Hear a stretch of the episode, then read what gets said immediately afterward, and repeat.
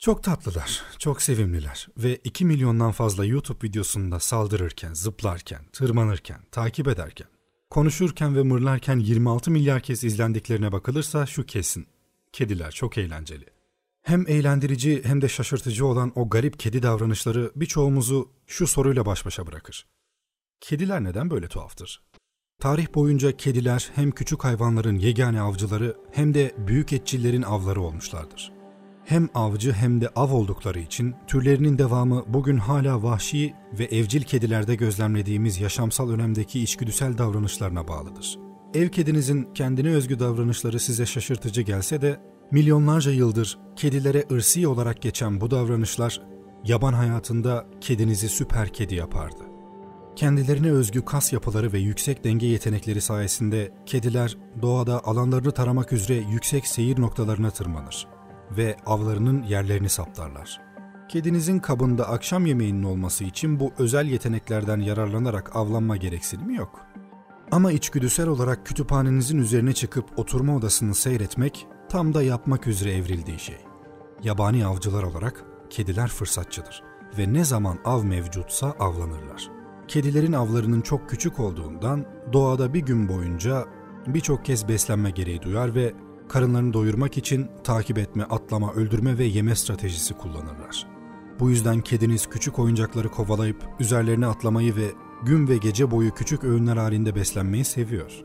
Ayrıca küçük boyuttaki avlar doğal ortamlarında küçük yerlere saklanmaya eğilimlidirler. Dolayısıyla kedinizin kutulara ve deliklere ulaşma isteğinin bir açıklaması da milyonlarca yıldan beri türünün devamını sağlamış olan aynı meraka yenik düşmesidir.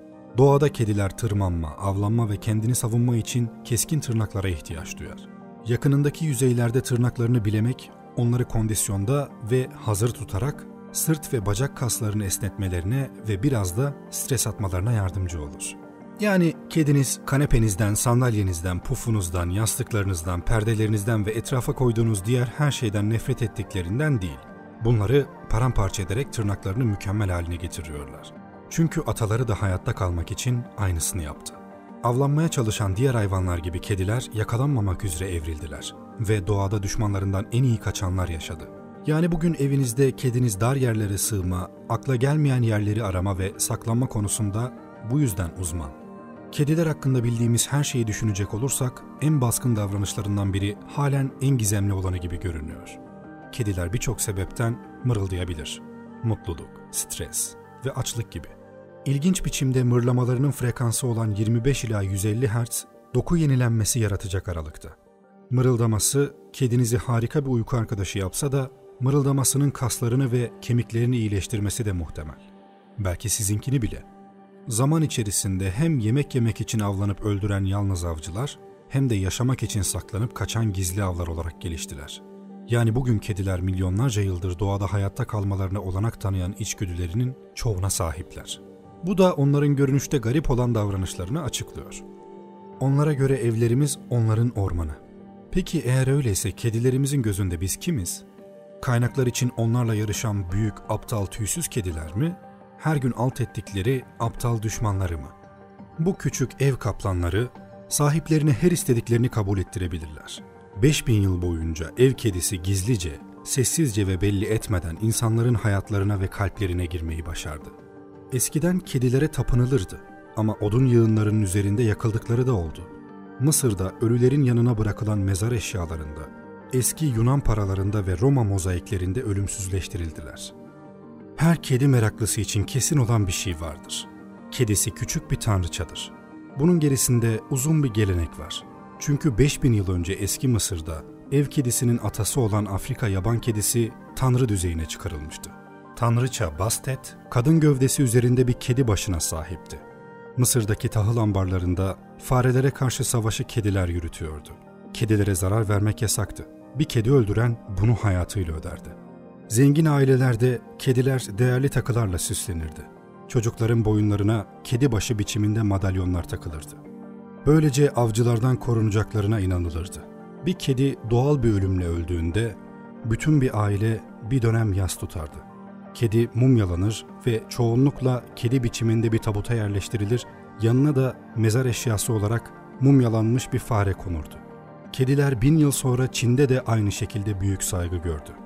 Çinlilerin günün saatlerini kedilerin gözlerine bakarak saptadıkları anlaşılıyor. Kediler yaklaşık M.Ö. 100 yılları civarında da İtalya'ya gelip fare avcılığını üstlendiler ve kısa sürede tüm Avrupa'yı kendi bölgeleri ilan ettiler. Fakat Avrupa'da fanatik cadı avcılığı başladığında kedilerin gücünden korku duyuldu. Cadıların dostu olduğu ve şeytanla ittifak ettikleri bile söylendi. Akıl alır gibi değil ama orta çağda zavallı bir kedinin yakılmak üzere odun yığınlarının üzerine gönderilmesi sık sık yaşanan bir olaydı. Bu zavallı hayvanlar o dönemde her şeyin günah keçiliğini üstlenmek zorunda kaldılar. Salgınlar, bebeklerin boğulması, içme suyunun kötüleşmesi, evliliklerin bozulması hep onların suçuydu. Batıl inanç sahibi insanlar bugün bile kara kedilerden korkarlar.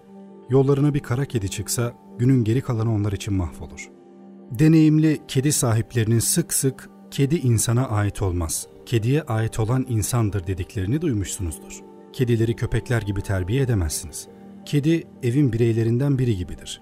Ev kedisi çoğunlukla sahibini bir arkadaş olarak görmez ama onun evini kendi alanı olarak kabul eder. Sahibini de kendi bölgesindeki bir şey, terbiye edilmemiş bir ev hayvanı olarak görür. Eve yabancı biri geldiğinde ürkekçe ve yanlarına yaklaşmadan onu inceler ve dostça bir selamlamayı hemen kabul etmez. Sonra bir ara yanına gider. Ama ancak kendisi isterse. Anlaşılan kedilerde bir altıncı duyu var. Bir mekandaki ruh halini hissedebilirler. Hatta kavgayı daha başlamadan sezebilirler. O zaman derhal saklanırlar. Aynı sezgileri deprem ve volkan patlaması karşısında da geçerli. Bu nedenle Sicilya'daki Etna Yanardağı'nın yakınındaki yerleşimlerde köylüler yanardağ alarmı olarak kedi beslerler. Kedilerin özel bir dili yoktur ama buna rağmen ihtiyaçlarını sahiplerine gayet iyi anlatırlar. Gözleri insanlarınkinden yedi kat daha keskindir. Güneşteyken göz bebekleri incelerek bir çizgi haline gelir. Karanlıktaysa daire şeklinde büyür. Kedinin görme duyusu hareket odaklıdır. Hareket etmeyen nesneleri net göremezler. Kedinin işitme duyusu o kadar mükemmeldir ki 10 metre uzaklıktaki bir farenin sadece yerini saptamakla kalmayıp aynı zamanda koşma hızını da hesaplarlar. Kedi insanların duyabildiğinden iki oktav daha yüksek tonları da işitir ve 60 bin herze kadar olan ultra ses titreşimlerini algılayabilir. Kedinin denge duyusu insanınkinden çok daha gelişmiştir. Düşme anında kedinin bedeninin konumu iç kudaktaki denge organına aktarılır. Küçük kristaller ve sıvılar harekete geçer. Duyarlı kulak içi kılları bilgileri derhal beyne ulaştırır. Dönebilir bel omurları da kedinin serbest düşüş sırasında dönüp dört patisinin üzerine düşmesini sağlar. Aynı zamanda da bacaklar amortisör işlevi görür. Kedilerin narin ama estetik kemik yapıları yaralanmadan düşmelerini mümkün kılar. Kedilerin duyarlı bıyık telleri yaklaşık 200 sinir ipçiğiyle donatılmıştır ve bir radar sistemi gibi işlev görür. Kediler bu yüzden mutlak karanlıkta bile hiçbir yere çarpmazlar. Kediler rahatlatıcı mırıltılarıyla yaraları sanki daha çabuk iyileştiriyorlar. Frekansları 20 ila 50 Hz arasında değişen ses dalgaları kemik dokusunda bir iyileşme sürecini başlatıyor. Daha önceki araştırmalarda bu dalga boyundaki sesin insanlarda da kemik dokusunun gelişimini desteklediğini hatta osteoporoz tedavisi için uygun olduğunu ortaya koymuştu. Bir sonraki sefere kedinizi severken onun mükemmel bir avcı, üstün yeteneklerle donatılmış bir canlı ve bir zamanlar bir tanrıça olduğunu hatırlayın.